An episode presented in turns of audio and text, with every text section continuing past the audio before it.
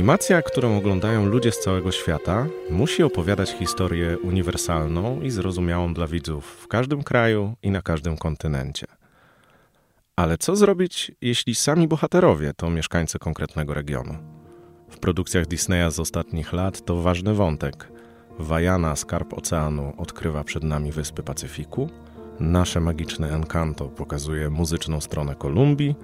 Księżniczka i żaba to podróż do Nowego Orleanu, a Coco do Meksyku. O tym, jak przekazywać i tłumaczyć kulturę innych części świata w animacjach, porozmawiam z psycholożką Olgą Ślepowrońską i czołowym dialogistą Disneya Kubą Wetsile, który dodatkowo podzieli się ciekawostkami warsztatowymi. Dowiecie się m.in. o tym, że w pracy dialogisty bywają sytuacje, w których w polskiej wersji cytrusy trzeba podmienić na włoszczyznę, albo wymyślić nowe słowo, które będzie miało tę samą funkcję co przekleństwa.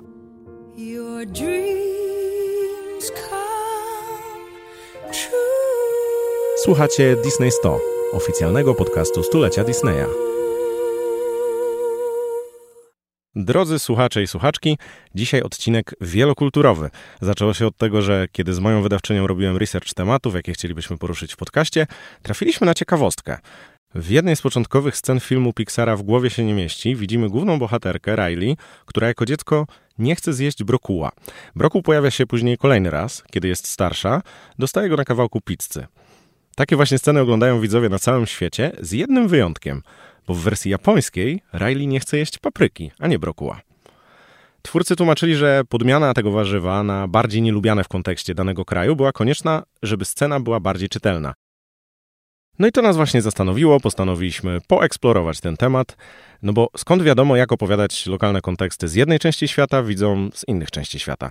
O tym właśnie będzie dzisiejszy odcinek, do którego zaprosiliśmy dwójkę gości. Kuba Wessile. Heja. Kuba jest człowiekiem, który stoi za bardzo, bardzo wieloma dialogami, które są śmieszne, dowcipne, e, mądre. Siedzi. A, teraz akurat siedzi. E, nie krzyw się tutaj, można tak zrecenzować e, tą pracę e, związany z produkcjami Disneya od lat i porozmawiamy o tej warstwie językowej, jak te pułapki językowe pomiędzy różnymi wersjami wychwycić, jak przede wszystkim z tego angielskiego przejść na naszą lokalną specyfikę. I zupełnie z drugiej strony jest ze mną Olga Ślepowrońska, psycholożka, animatorka kultury z dużą wrażliwością na dzieci, szczególnie z grup wykluczonych, autorka książki Klimatyczni. Cześć. I połączymy te światy, kulturoznawczy, językowy, ale przecież y, będzie chodzić o to, o co zawsze chodzi, czyli co z tego wszystkiego jest w animacjach e, Disneya. Powiedzcie w ogóle, tak, tak w skali bardzo szerokiej, animacje, które oglądamy y, jako dzieci, a potem na przykład nasze dzieci oglądają, co dla was w tym siedzi ważnego? To znaczy, y, są na pewno ludzie, którzy w sposób nieświadomy obcują z tym tekstem kultury, by powiedział kulturoznawca, a po prostu animacją, filmem, serialem, ale gdzieś tam w podświadomości i warstwa językowa, i ta międzykulturowa e, pracuje na coś. To znaczy, e, mamy do czynienia z rozrywką, która ma realny wpływ na to, e, jak na przykład postrzegamy świat, szczególnie jako dzieci, kiedy to się w nas dopiero kształtuje. W sensie musisz mi zadać bardziej pytanie. Ja to rozumiem ja tak, że różne teksty kultury wpływają na naszą wyobraźnię i na to, jak później widzimy ten świat. I na przykład jako dziecko oglądałam Króla Lwa ja i też. kiedy miałam okazję pomysł, żeby jechać do Tanzanii, no to totalnie to sobie wyobrażałam jako taką podróż szlakiem e, nawet nie tego Simby, tylko Timona i Pumby. No i trochę mi było smutno, że już e, tych wszystkich zwierząt nie ma. Mm. Ale... Co ciekawe, mamy kontekst, że na przykład w Ugandzie, jeśli chodzi w ogóle o lokalnych mieszkańców, królew jest jakimś tam na przykład ważnym e, odnośnikiem. W ogóle te animacje Disneya, e, zwłaszcza te, które są teraz, na przykład Coco czy El Canto, y, są mega ważne dla y, mieszkańców Meksyku, dla mieszkańców Kolumbii. Wszyscy się widzą w tej rodzinie Coco, moi znajomi z Meksyku. Y, chyba to, że Disney no, pokazuje taką kulturę nie, nie amerykańską, no to jest dla nich jakimś takim dużym docenieniem. Teraz obecnie Disney, nie wiem czy każdy wie, ale ma do wielu produkcji e, konsultantów kulturowych, e, którzy dbają o to, żeby tam wszystkie detale się zgadzały. Jest też, jest też taka dosyć dla mnie oczywista rzecz, że, że, że, kiedy patrzymy na jakieś produkcje, które były wcześniej, to, to one na przykład po 20-30 latach coś można by było zrobić inaczej, albo kontekst się zmienił. Na styku tego języka i właśnie kulturowej lokalizacji Mieliśmy, Olga, ten przykład y, z krabem. Tak, z krabem z Małej Syrenki, który w wersji amerykańskiej mówił z jamańskim akcentem. No właśnie, i teraz tak. To coś zmienia, to y, definiuje pewien, y, pewien klimat. To czasami może być pewnie też nieumyślne. Warto z takich rzeczy wyciągać wnioski. A ty w ogóle często, Olga, oglądałaś w oryginale Disneya? Chyba różnie. Mnie zawsze najbardziej kręciło, jeżeli chodzi o te tłumaczeniowe kwestie, to taki idiolekt każdej postaci. Aha. Jak one się różniły między sobą sposobem mówienia. To było wspaniałe. Jak, jak takie rzeczy się oddaje po polsku? Mamy, mamy takie fenomeny, jak na przykład taki, powiedzmy, tak zwany, nie wiem, chiński, angielski. Czasami są wstawki. Y, to jest chyba taki najpopularniejszy patent w Polsce, żeby takim jakimś lekko francuskim akcentem coś było. To jest oczywiście robota y, dubbingowa, reżyserska, y, aktorzy dodają swoje, ale, ale pewnie jakieś te pomysły przychodzą też na etapie dialogów. Nie? To jest zmora y, tłumacza dubbingowego, ponieważ Amerykanie rozwiązują to bardzo prosto akcentem. Mhm. Albo wplataniem słów typu chica, albo merci, albo coś tam. I jest sprawa załatwiona, no bo każdy w Ameryce wie, jak brzmi mówiony amerykański w wykonaniu meksykańskim. A my tego nie wiemy i nie mamy nic takiego za bardzo. No tak, tam Mamy trudno by było szukać, nie wiem, ka no można, kaszubskiego albo no niestety wszystkie akcenty w Polsce zostały zglajszachtowane razem z resztą rzeczy przez historię, więc nie mamy trochę nic prawie w, tym, w tej materii. No i trzeba trzeba montować, łatać i szyć, no, kombinować, jak oddać y, na przykład y, mafiozów, prawda? No, mafioz, mafia w Ameryce jest włoska. Była przez lata, już teraz nie, ale wiele lat było, jakby to był synonim. My trochę włoską mafię to znamy z Ojca Chrzestnego, no nie? No więc na przykład w, w Autach 2 jest mafia, która jest włoska z natury swojej, ale to było bez sensu po prostu, żeby oni nagle zaczęli nadawać po włosku, no bo to się kojarzy z kulinariami u nas bardziej, nie? I operą czy czymś takim. A, to bardzo ciekawe, no tak. No więc to były jakieś głębokie lata dwutysięczne, więc jeszcze funkcjonowało w ogóle w, w powszechne wyobrażenie, że mafia jest ze wschodu, nie? No więc oni w tym filmie mówią takim potwornym, zniekształconym rosyjskim, który jest zakamuflowanym polskim i mówią takie mm, straszliwie kalecząc rosyjski, z rosyjskim akcentem udają, że mówią wiesz, paczemu ty abrażywajesz moją matku i tam, wiesz, jakieś takie bzdury zupełne, ale to jakoś się broni, wydaje mi się. No to jest naj, naj, najbliżej tego, co można co można, wydaje mi się, osiągnąć w, w, w, akcencie, no tylko, że to jest co ileś filmów, no nie można tego w każdym, a akcenty są prawie w każdym amerykańskim e, filmie. Rozmawiać nie wolno jak to? Znaczy, chcesz, żeby siedział cicho? Ani słowa? Ty jakiś taki stralny jesteś, Iwan. Nie wiem, o co panu chodzi, panie Aleksander Jugo. Znany także jako Aleks Dziupla. Masz ty trochę tych krzyw, Aleks. Niby nie dziwota w sumie, jak cię ściga policja francuska, niemiecka, Wujek, cicho chińska, bądź. rumuńska. Тише, уже тише, столь же маски, цу, наш рот przez ciebie trafi. Nie fikaj здесь, Иван, он czegoś здесь грозный. Co za wirtuos. No więc trzeba kombinować. W Meridzie na przykład walecznej rzecz dzieje się w takiej średniowiecznej Szkocji. Więc oni mówią dość, z tego co wiem, śmiesznym dla Szkotów, ale jednak rozpoznawalnym dla wszystkich innych anglojęzycznych ludzi szkockim akcentem, czego w ogóle nie ma jak zrobić po polsku. No więc w naszej tej wersji oni mówią takim potwornie pompatyczną, makaroniczną pseudopolszczyzną ala z paska momentami. Mhm. Że ktoś samopięt roztarł, wrażą kupę i tak dalej. No i tak dalej, trzeba rzeźbić. Plan bingo! Przedstawiam oto mego jedynego syna, który otoczony przez pięć tysięcy Rzymian wziął i pokonał ich potężną armadę i to jedną ręką, otóż lewicą. Dzierżył, o, to, dzierżył on rumpel sterunowi, zaś tą drugą wyciągnął buzdygana i wyrżnął agresora samą piżynę. Co? Który tu? No dalej, powtórz mi to w twarz. Czy jesteś z tych herlawych, flimłychnych koczkodanów? Co to, że nie chcą potargać kuafiuri? Przynajmniej jest co potargać. I wybić ty! A bo w hechach napyrdać, że na Donbas wypypci. Więc wracaj skąd wylazłeś, ty szpetny stary trollu. Krotu! Masz, masz takie przemyślenia, ym, kiedy, bo, bo, bo bo ten dobór, tak sobie myślę, że to, że to jest y, decyzja y, śmiała y, czasami z Włochów zrobić y, y, wschodni akcent. Ym, Też ja jeszcze tylko może powiem, że, że to też trzeba z- wiedzieć, że wiedzą, widzowie wiedzą. Często większość wie, że trochę to jest w cudzysłowie. No ja myślę, że to taki grząski bardzo grunt, bo No łatwo bardzo. e, w jakieś stereotypy wpaść, bo pewne rzeczy się dezaktualizują, no ale przede wszystkim właśnie, żeby kogoś nie skrzywdzić, tak? No z tym jamańskim właśnie. akcentem, no to myślę, że już teraz by się na to nie pokusili. No tak, tak, dlatego ja zaznaczyłem, że to były tam, to było, wiesz, 20 lat temu. To absolutnie bym teraz w coś takiego nie poszedł, biorąc pod uwagę sytuację polityczną i w ogóle zmianę czasów, no ale coś trzeba. Jasne, jasne. Mam nadzieję, że...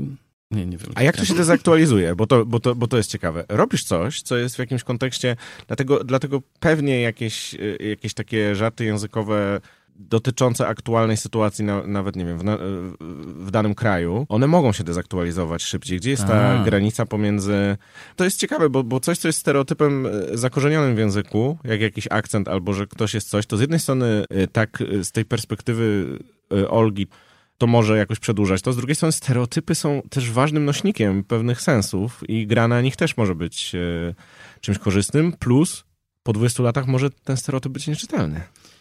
No wiesz, pytałeś mnie, czy ja y, sprawdzam, jak, jaki jest obecnie slang na ulicy i tak dalej. Nie, ja tego nie robię, bo właśnie dlatego, że to się najbardziej dezaktualizuje.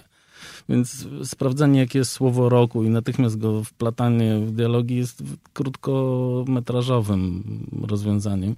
Staram się tego nie robić i nie schlebiać jakby takiej wrażliwości, która się zmieni za pół roku. No więc staram się mniej więcej jakby dawać do zrozumienia, że tutaj ktoś mówi, kto jest dobrze znany na dzielni, no ale nie ma sensu robić z tego, wiesz, dokumentalnego zapisu tego, co się dzieje pod sklepem, no.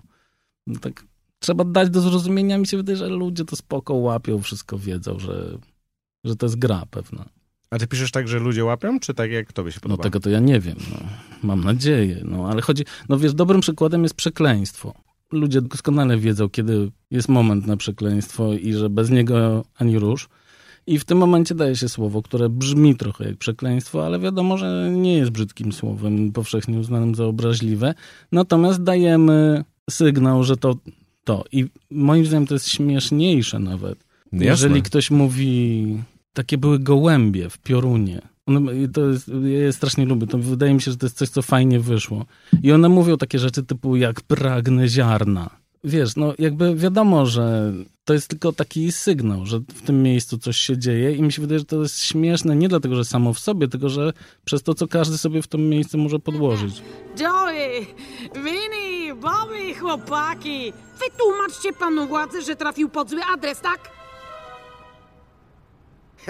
No. Liścia ją. O nią ci Jak chodzi. pragnę ziarna, to ona. A, czyli po dobroci nie powiesz.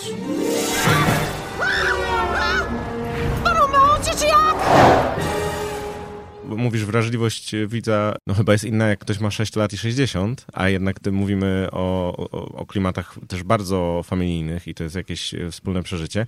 Ale ja zawsze ceniłem to, y, kiedy dziecko może to odczytać i to jest jakieś ciekawe językowo, e, no a dorosły zrozumie aluzję. E, Sami też macie dzieci, prawda? Tak, tak. O, No właśnie i wiele. No moja córka już zaczyna mówić, być może niektórymi wymyślonymi przez, Ale w ogóle- przez ciebie e, tekstami, e, albo właśnie takich quasi e, przekleństw używać, to, to jest warstwa, która jakoś tam tworzy. Nie, no w ogóle mi się ten- wydaje, że to jest coś, co zna każdy rodzic. Oczywiście, ale No w ogóle to jest. em, myślę, że te przekleństwa, takie quasi przekleństwa w animacjach, one są ważne, dlatego że pokazują, że to jest sposób na takie dobitne wyrażenie emocji. I no, żeby sobie ulżyć, no to przeklnę, a nie, nie wiem, rozwalę wazon, tak? A można to zrobić e, w taki sposób, no, żeby wszystkim nie więdły uszy. I ja to sobie cenię.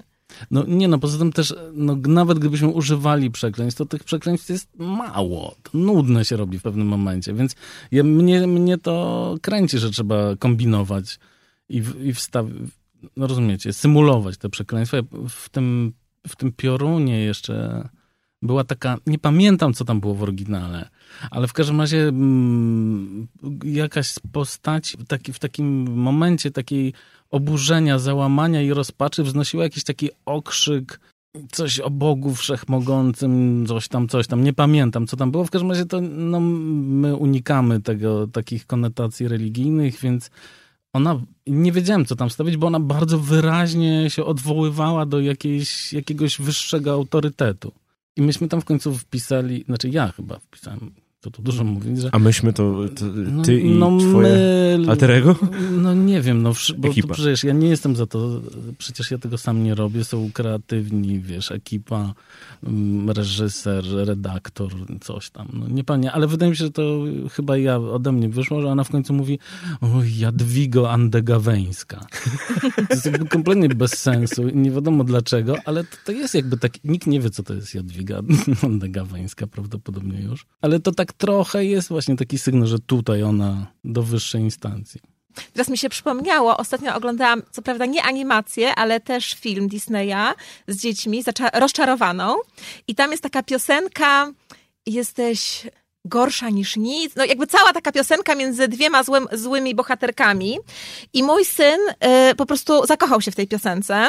E, uczy się jej na pamięć, żeby w szkole tak odpowiadać, e, jak, jak chce komuś dokuczyć. To, ja, tylko Wow. może za, zaznaczę piosenki, to nie ja niestety. Tak. To jest bardzo trudne.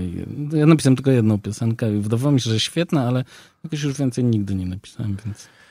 Czy ciebie, Olga, coś z produkcji Disneya może nie wychowało? To były większe wydarzenia, bo sobie myślę, że każdy, kto miał okazję pójść na przykład z rodzicami do kina na, na filmy Disneya, to, to zapamiętywał, ale, ale z drugiej strony e, trochę może było tego e, wszystkiego mniej, żeby to aż mówić o, o pewnym wychowaniu, ale e, czy, czy masz takie myśli, że coś, co cię zainteresowało, oprócz tego przykładu z Królem Lwem z przeszłości, było jakimś startem do, do tego, w co weszłaś głębiej, albo w ogóle czym się zajmujesz? E, Elementem po prostu, tak jak książki są elementem.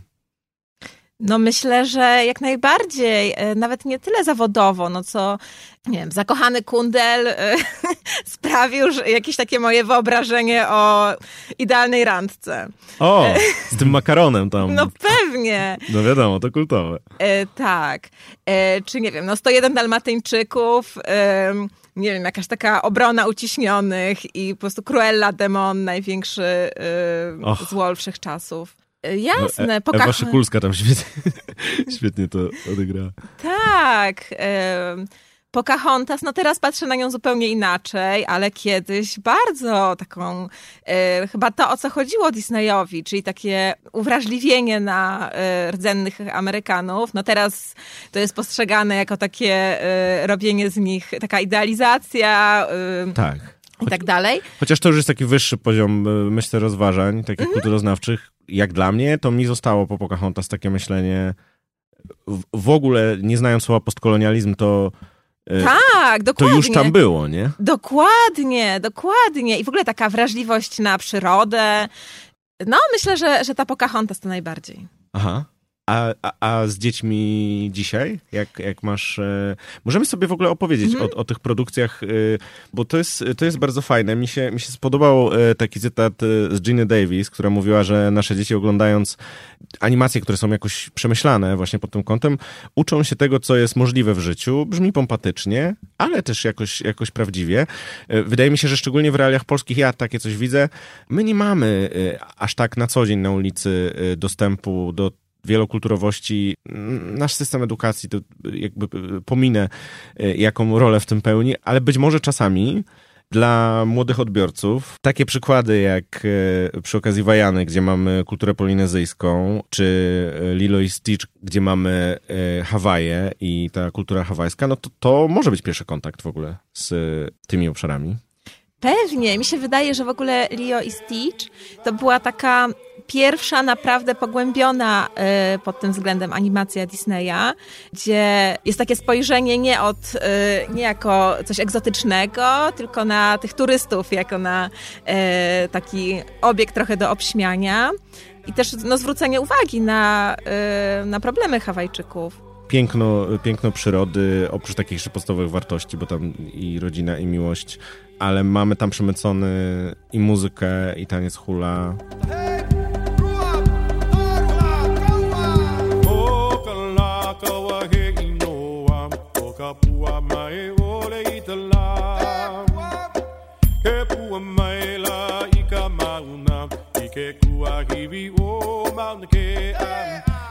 No a poza tym Stitch jest jednak przedstawicielem zupełnie innej rasy, a jest członkiem rodziny i to też jest sygnał, nie?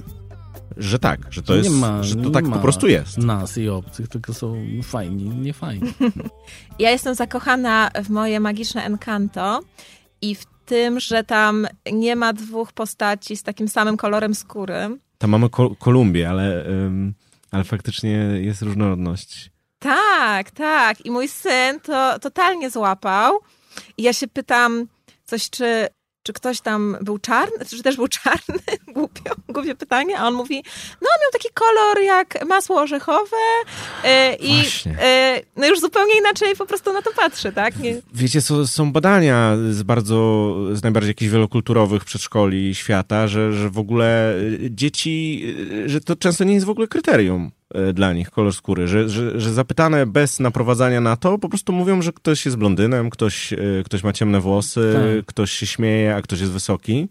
No i to jest coś, co, co, co, co myślę y, w Polsce jest trudne do uzyskania, no ale może, może, może warto tutaj uwrażliwiać, nie?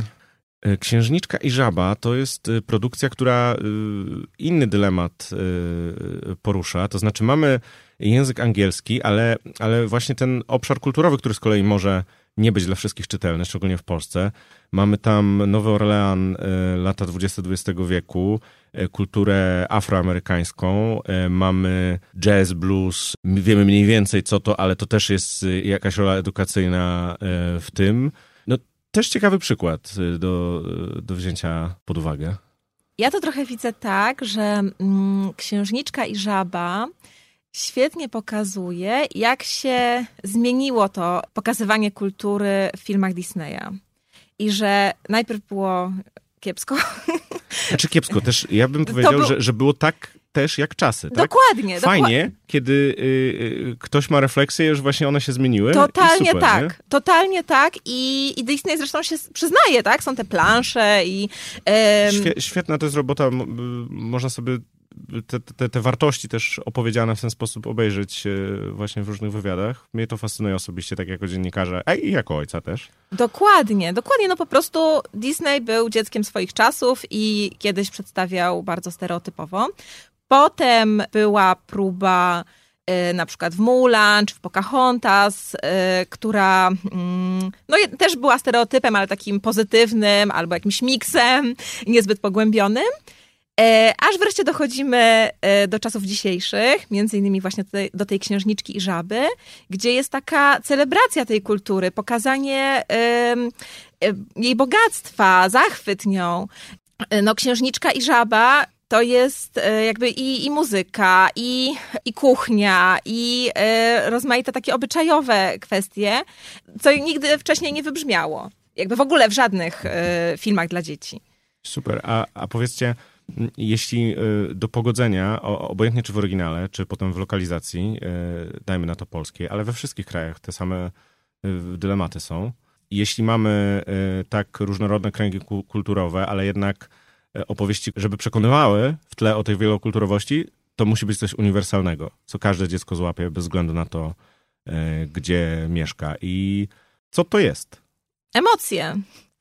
Emocje są wszędzie takie same. E, I e, możemy z troszkę innych e, powodów je czasem odczuwać, e, albo troszeczkę inaczej je wyra- uczyć się je wyrażać, ale generalnie no to wszędzie rozpoznajemy złość, strach, te emocje podstawowe są, są wszędzie takie same i dlatego tak bardzo poruszają filmy Disneya, no bo one bazują na emocjach. Myślę, że piękną metaforą tego jest taki montaż, który ja widziałem, chyba jest do zobaczenia na YouTubie w ogóle. Jest taki montaż piosenki z Wajany. Jest po trzy sekundy z każdego z języków. Jedna piosenka, która płynnie przechodzi z polskiego w niemiecki, w hiszpański, w chiński i tak dalej, i tak dalej, i tak dalej. Jest to zresztą świadectwo tytanicznej pracy wykonanej przez ludzi od muzyki, piosenki i, i castingu i reżyserii dźwięku. W ogóle piosenki to jest w ogóle świat wewnątrz świata. To jest osobna, wspaniała cała dziedzina, o której ja nic nie wiem kompletnie. Ale w każdym razie to jest, mi się wydaje, piękna metafora, że Wajana śpiewa jedną piosenkę we wszystkich możliwych językach świata i one się kleją pięknie. Nie ma żadnego zgrzytu.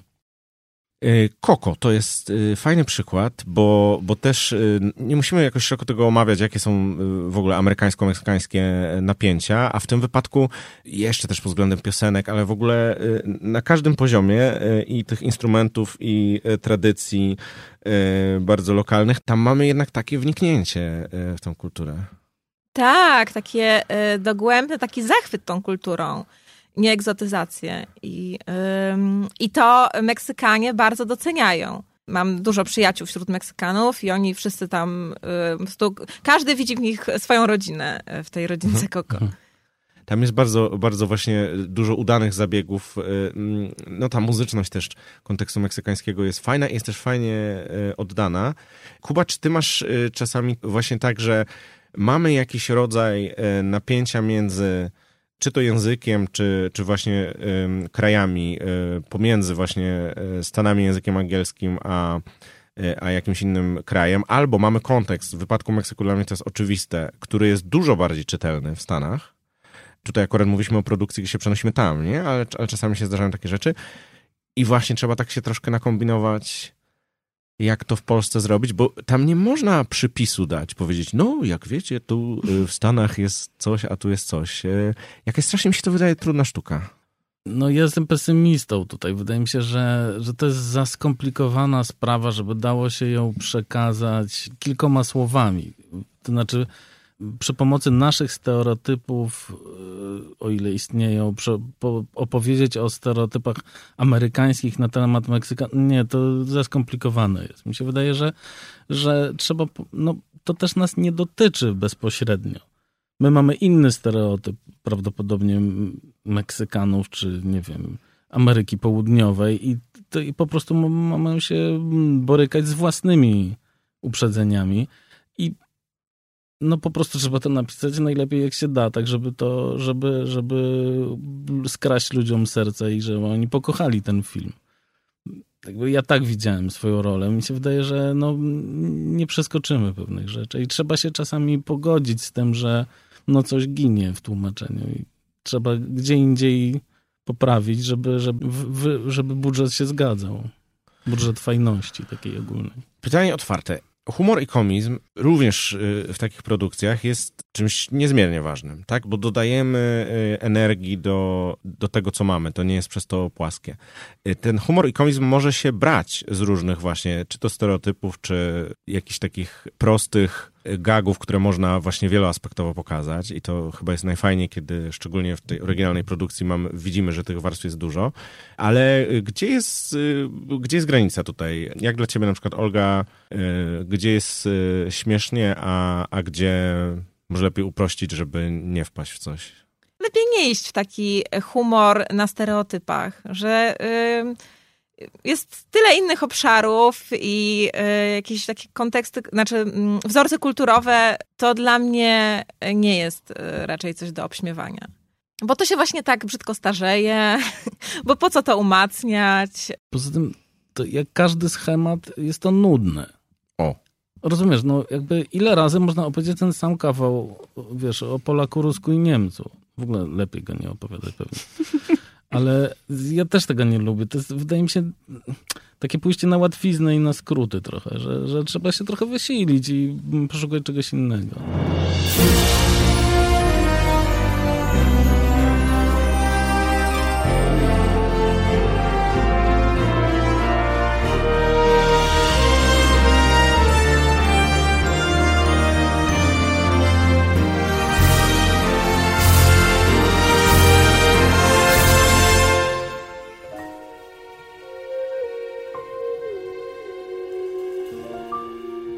Od razu mi przychodzi do głowy jedna rzecz, którą może nie każdy wie, bo ty pracujesz y, i nad dialogami, i też często nad y, napisami, które, które możemy y, przeczytać. Nie zawsze też tak jest, bo, bo, bo to są rozdzielne role. Mhm.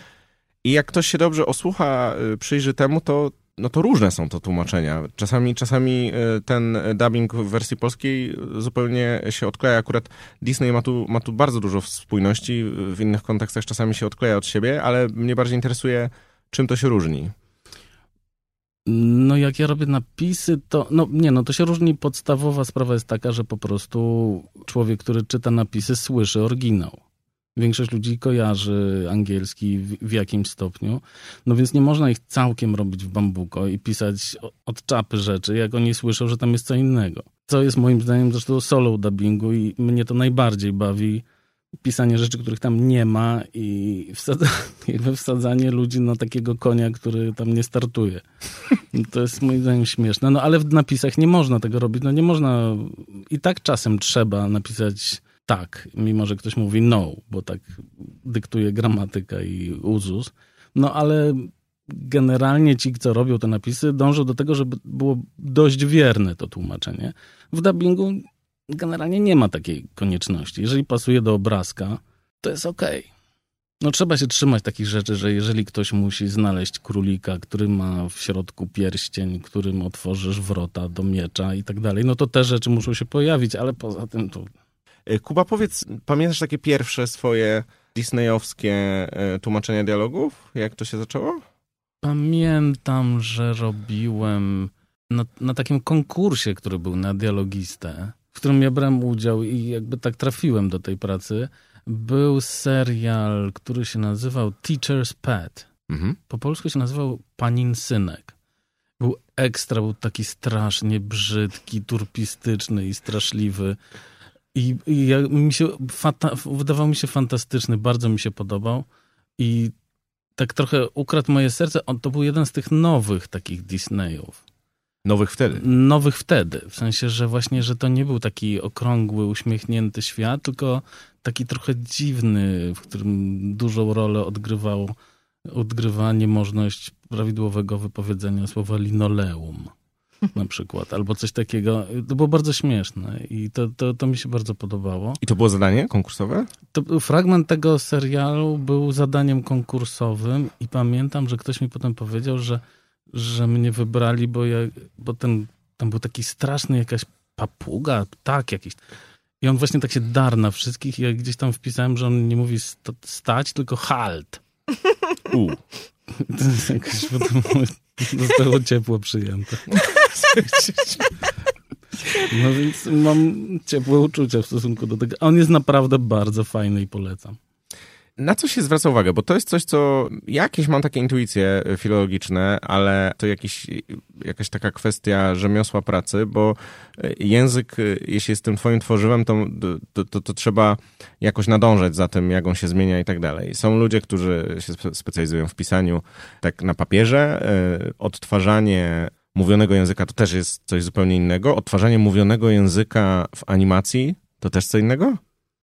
No to jest w ogóle chyba główne zadanie dialogisty dubbingowego, ja tak rozumiem. To znaczy, żeby pisać jak się mówi, a nie pisać jak się pisze. No bo pisać jak się pisze, to każdy umie tak naprawdę.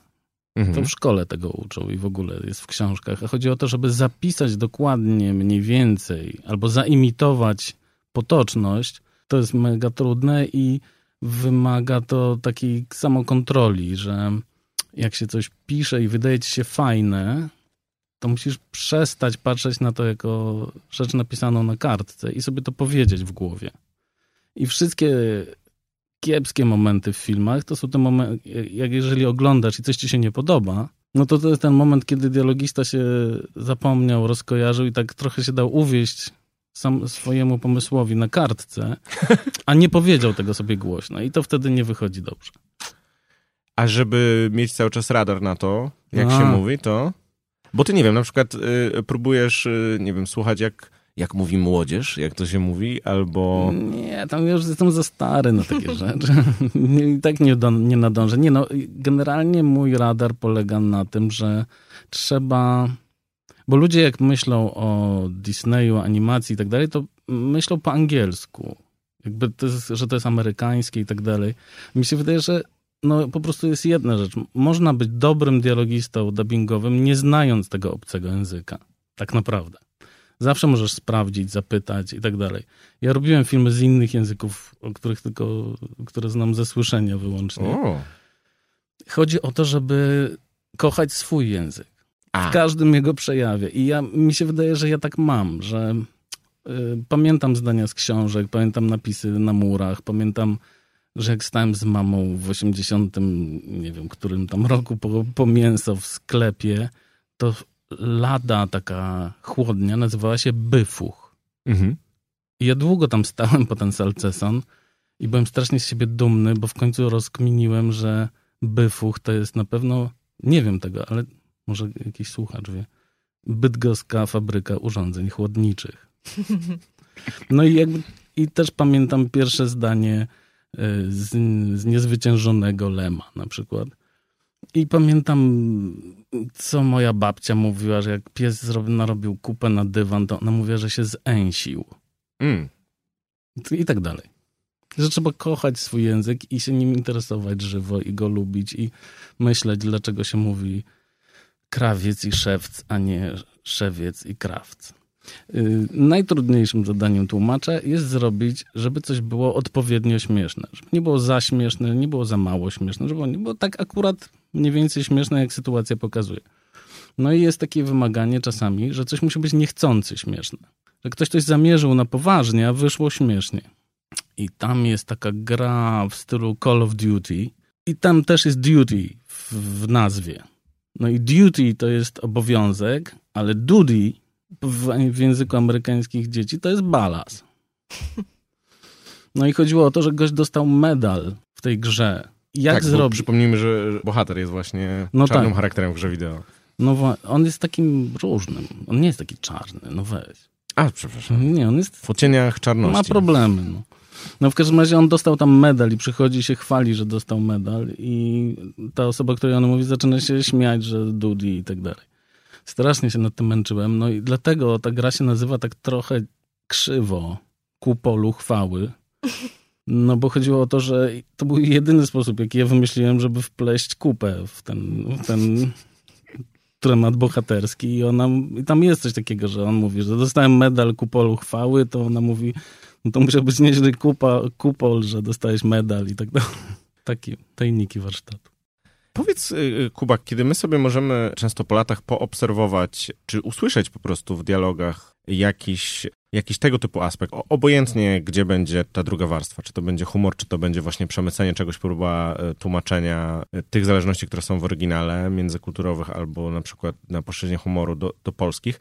Ile tam jest ciebie, jeśli na przykład piszesz, ile tam jest reżysera, ile tam jest oryginału, ile tam jest aktora polskiego, jak wygląda w ogóle taki proces? Ty jesteś elementem pewnego procesu, nie? No oczywiście, no ja szacuję, że dialog to jest jedna trzecia. Nie wiem, czy to jest prawda, tak mi się wydaje. To znaczy, no ogromną, ogromną rolę odgrywa aktor i aktor potrafi zrobić z kiepskiego tekstu genialny tekst. Zdarza się też odwrotnie. Nie, aktorzy potrafią uskrzydlić najbardziej płaskie zdanie. No ja jestem pełen podziwu i szacunku dla ich, że to jest, to jest magia trochę. Oni potrafią zrobić słowa mm, z dowolnego słowa coś. I to, to, jest, to jest ogromnie ważne. No i właśnie trzeba pamiętać, że za tym jeszcze stoi grupa ludzi za każdym filmem. Przede wszystkim reżyser, casting. A masz taki przykład, żeby tak powiedzieć coś, co ci się wbiło? Dla mnie Kamiński z Pumbą. To o. jest e, no, w ogóle, to jest arcydzieło. No całe w ogóle, no, w Królowie to, to, to dość dużo mamy tych przykładów. Piotr Franceski w roli pana Iniema Mocnego. Halo? Cześć, kotek. Zapomniałeś o mnie? A, cześć, cześć. Tak, znaczy w ogóle. Nie, no skąd? Ale wy, nie, nie, nie wiedziałem, czy nie śpisz. Ty nie masz pojęcia, co tu się przed chwilą działo. Coś czuję, że cię obudziłam. Nie, nie, nie. Ale wiesz, Jack, Jack... Coś mu się stało? No jasne. Wracam do domu. Wiedziałam, że to się tak... Nie, nie. Nic się nie stało. Siedź, gdzie jesteś i dokończ tę robotę. Jak to wiedziałaś, że, że co? Nie wierzysz, że dam sobie radę? Nie, nie, wybacz. Źle się wyraziłam. To chcesz, żebym wróciła? Nie, nie, nie. Wszystko gra, sytuacja pod kontrolą. A co się stało Jack Jackowi? A nie, nic. Dynamicznie się rozwija. A, to dobrze. Pan nie ma, nie ma mocnych, to jest zresztą postać, z której ja się chyba najbardziej utożsamiam. Jakoś takim, czuję kontakt z nim. Jest to bardzo miły człowiek, średnio lotny. No i chodzi o to, że trudno jest oddać dialogiem to, że ktoś jest dobrze chce, ale słabo wychodzi i tak nie do końca umie, umie powiedzieć, o co mu chodzi, ponieważ no, on właśnie nie może tego powiedzieć, więc nie może napisać, że on to mówi, jak on nie może powiedzieć. No rozumiecie, o co chodzi. Tak. W każdym razie on, jak nie wiedział, jak, jak mu słabo szło, to wrzucał ten i, i ten, yy, wiecie. Mhm. Poszedłem i ten. No i nie ma chyba mniej wdzięcznego słowa. No to posłuchajcie, jak Franceski to Y, co on z tym robi i po prostu w ogóle, jak, ile, ile jest serca i uczucia w, tym, w tej postaci. Uważam, że po prostu zmiótł z powierzchni oryginał. Po prostu uważam, że jest wspaniały i to naprawdę uważam, że mam super szczęście, że miałem w ogóle okazję siedzieć w tym samym pomieszczeniu i pracować nad tym samym. To super. To ja jeszcze może dodam. Ja to Encanto po prostu uwielbiam. Jest taka piosenka Luizy, y, siostry y, tej głównej bohaterki, takiej siłaczki. I zawsze jak miałam testy na koronawirusa, to sobie słuchałam jej piosenki w różnych wersjach językowych. Czekaj, ale że... No, żeby przeżyć y, test na koronawirusa, słuchałam sobie piosenki, bo to było dla mnie mega ciężkie. To wkładanie patyka do nosa. I wersja rosyjska jakby ta, wszystkie wersje są świetne, ale ta rosyjska jest po prostu tak obłędna, z jakąś taką boleścią yy, śpiewana, z jakimś takim żalem w głosie, że yy, no dla mnie wygrywa wszystko. E, a robota tłumacza, tak jak y, sobie myślę, i to, co zresztą jest esencją, czyli praca w języku właśnie, e, który się kocha swoim ojczystym, e, może mieć też taki drugi wymiar, e, to znaczy poszukiwanie tego, co jest w tym angielskim i jak to przełożyć, żeby zachować pomysł oryginalny, a zlokalizować, ale może masz jakiś taki przykład, że wręcz innowacja w obszarze polskim nastąpiła, już nie pytam, że śmieszniejsza niż oryginał, bo po pierwsze to, to, to, to każdy ma inny, yy, inny gust, ale może taka, yy, że się cieszyłeś z pomysłu swojego. Ja się cieszę z pomysłu w Antmanie dwójce. Tam jest taka scena, w której ona córka i on ojciec, oboje są superbohaterami zmieniającymi kształt i rozmawiają o tym, że ile razy zmienią ten kształt, ona mówi, to potem dostaje takiej totalnej jazdy na owoce konkretnie cytrusy, że tylko limonka i cytryna i, mm, i tak odrzuca głowę w zachwycie i tak namiętnie mówi mmm, cytrusy. No co jest jakby fajne, że oni mówią o takich kulisach bycia superbohaterem i codzienności, jak się pierze ten strój i tam co się je i tak, to jest zawsze ciekawe, nie? Ale jakoś ja czułem taki niedosyt, że cytrusy po pierwsze są zagraniczne, a po drugie to jakieś, czegoś, czegoś mi brakowało, więc ja powiedziałem, tam zmieniłem, akurat się dało, że że ona mówi, że ile razy zmienię rozmiar, to dostaje takiej totalnej jazdy na marchew, seler i kalarepę. I tak odrzuca głowy i tak mówi, mmm, Włoszczyzna. To jest, uważam, cudowny dodatek, chociaż właściwie Włoszczyzna jest włoska. Jak sama nazwa wskazuje. geniusz Disneya polega na tym, że daje ludziom prawie dokładnie to, co oni już mają w głowach. I oni jakby widzą na ekranie swoje myśli. I Prawie. Prawie, no bo dokładnie, wiesz, no jest to taki trochę wynik, wynik y, fokusu pewnego, prawda? mniej więcej głosowania. No to jest takie uśredniony, uśredniony umysł ludzki, amerykański w tym wypadku. I to, jak się zmieniają filmy Disneya, mniej więcej odpowiada temu, jak zmienia się Ameryka, my też, prawda? I że oni dają ludziom to, co, to, czego oni potrzebują, chcą, o czym myślą i tak dalej. I mam nadzieję, że po prostu ewolucja filmów Disneya odzwierciedla jakoś tam ewolucję nas wszystkich. No, że po prostu dalej to szło w tą stronę, że, że w końcu będą tam same nowoczesne, postępowe i otwarte rzeczy. Ale no pewnie, że tak jest. Przecież e, no, dawne przedstawienie Azjatów w filmach Disneya e, jako takich wiecznych obcych, e, groteskowych, z wielkimi zębami, a teraz to nie wypanda, czyli o nowym pokoleniu imigrantów z, z Chin. Tak, podobny problem jest poruszony w najnowszym filmie Disneya, Między nami żywo, żywiołami, mm, który mówi o przybyszach, o tym, jak trudne jest życie ludzi, którzy dołączają do jakiejś kultury, jak trudno jest się w niej czasami odnaleźć, jakby z ich perspektywy to jest film. I wiem z pewnego źródła, konkretnie od koleżanki, która jest z pochodzenia Wietnamką, że to jest film, na który trochę wszyscy czekali i jest strasznie ważny i to, i to jest ciekawe, bo, bo, bo często te filmy pokazują przybyszów z punktu widzenia domowników. Mhm. A to jest film, który pokazuje, na czym polega wejść do, w cudzysłowie, już za, zajętego Grajdoła i jak trudno jest się w nim odnaleźć i i ten moment, że już jesteś, już jesteś tam, już jesteś jednym z nich, a ani ty o tym do końca nie wiesz, ani on, oni o tym nie wiedzą i że jak trzeba szybko update'ować własne wyobrażenia na temat siebie i innych, że to, to się dzieje teraz, to się już stało, tylko my o tym nie wiemy. To jest mega optymistyczne, tak naprawdę, to co się dzieje, jak widzę tą ewolucję w filmach Disneya.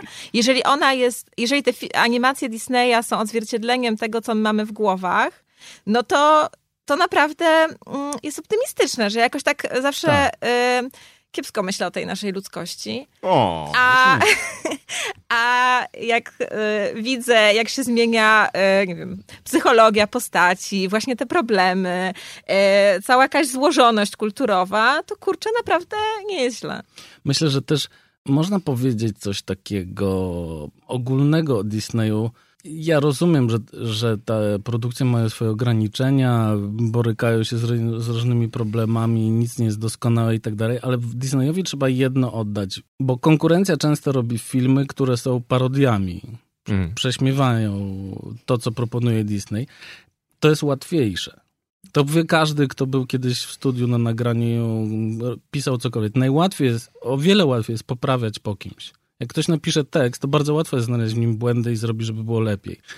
Ale usiąść do pustej kartki i napisać od siebie coś, jest o wiele trudniej. I Disneyowi moim zdaniem przy wszystkich ograniczeniach należy się szacunek za to, że oni coś proponują. Konsekwentnie w ogólnych założeniach, w ogólnym zarysie to jest zawsze ta sama rzecz, prawda? Że oni jednak starają się promować porozumienie jakieś tam między ludźmi. To wychodzi lub nie, ale to jest pozytywna, pozytywny przekaz.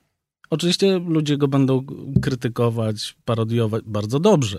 To sprzyja Bo jest rozwojowi. żywym tekstem kultury. Ale należy się moim zdaniem uznanie za to.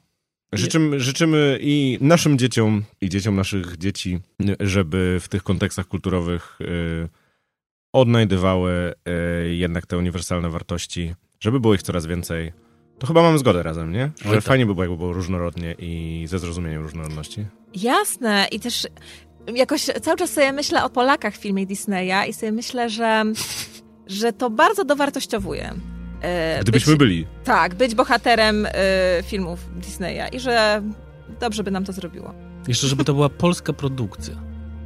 Dzięki wielkie Olga Ślepowrońska. Dzięki serdeczne. I y, Kuba Wetzile. Dzięki.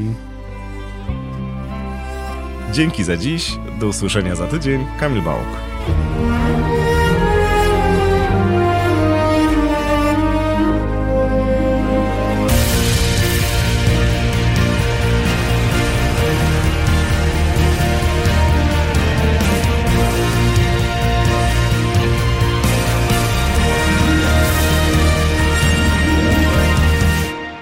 A na koniec Wasze wspomnienia.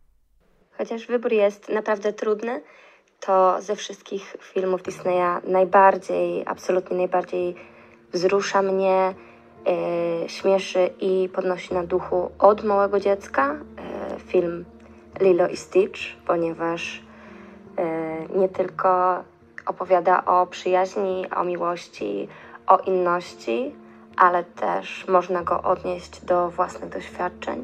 W moim przypadku ja mam zdecydowanie starszą siostrę podobną do Nani, więc e, genialnie było zobaczyć film, w którym tak bardzo mocno mogłam utożsamiać się z bohaterką, która też ma starszą siostrę, też nie zawsze się z nią dogaduje i jeszcze do tego zdobywa niesfornego pupila, który okazuje się być kosmitą. Tak więc ja wszystkim serdecznie ten film rekomenduję.